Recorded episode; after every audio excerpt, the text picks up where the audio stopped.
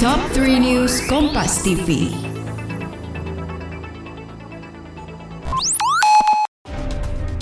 Halo sahabat Kompas TV, kembali lagi bersama saya Edwin Chan di Top 3 News Kompas TV. Kita akan segera membahas tiga berita terpopuler yang terjadi pada hari ini. Ada berita apa?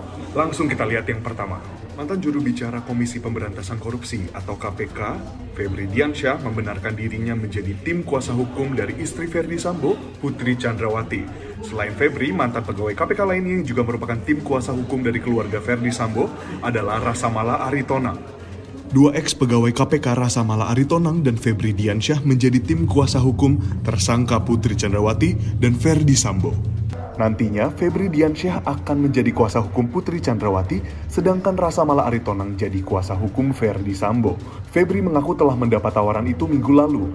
Ia pun memastikan akan objektif dan faktual saat mendampingi Putri Chandrawati.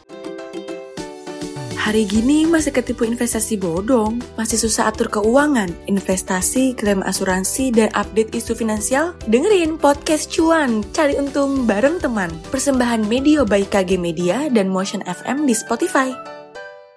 Berkas pembunuhan berencana dan juga berkas perintangan penyelidikan atau obstruction of justice kasus pembunuhan berencana Brigadir Yosua dinyatakan P21 atau lengkap Adapun lima berkas perkara, yakni berkas perkara milik FS, PC, RR, RE, dan KW, yang sebelumnya berkas tersebut telah dikembalikan untuk diperbaiki sesuai dengan petunjuk yang disiapkan jaksa peneliti, dan kini telah dinyatakan lengkap secara material dan juga formil.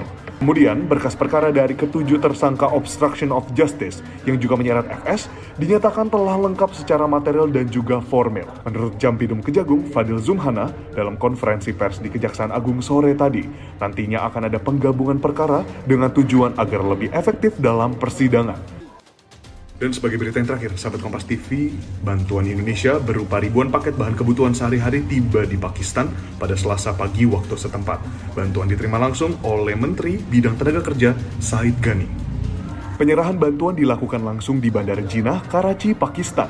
Bantuan yang berasal dari pemerintah dan organisasi kemanusiaan Indonesia ini terdiri dari tenda, matras, selimut, pakaian anak, sampai obat-obatan. Menko PMK Muhajir Effendi menyampaikan ucapan prihatin Presiden Joko Widodo kepada warga Pakistan. Ia pun menyebut bahwa Indonesia dan Pakistan adalah negara dengan hubungan bilateral yang baik dan selalu saling menolong. Dan itulah dia tiga berita terpopuler yang terjadi pada hari ini. Saya Edwin Chan pamit undur diri. Sampai jumpa di Top 3 News Kompas TV berikutnya. Salam sehat.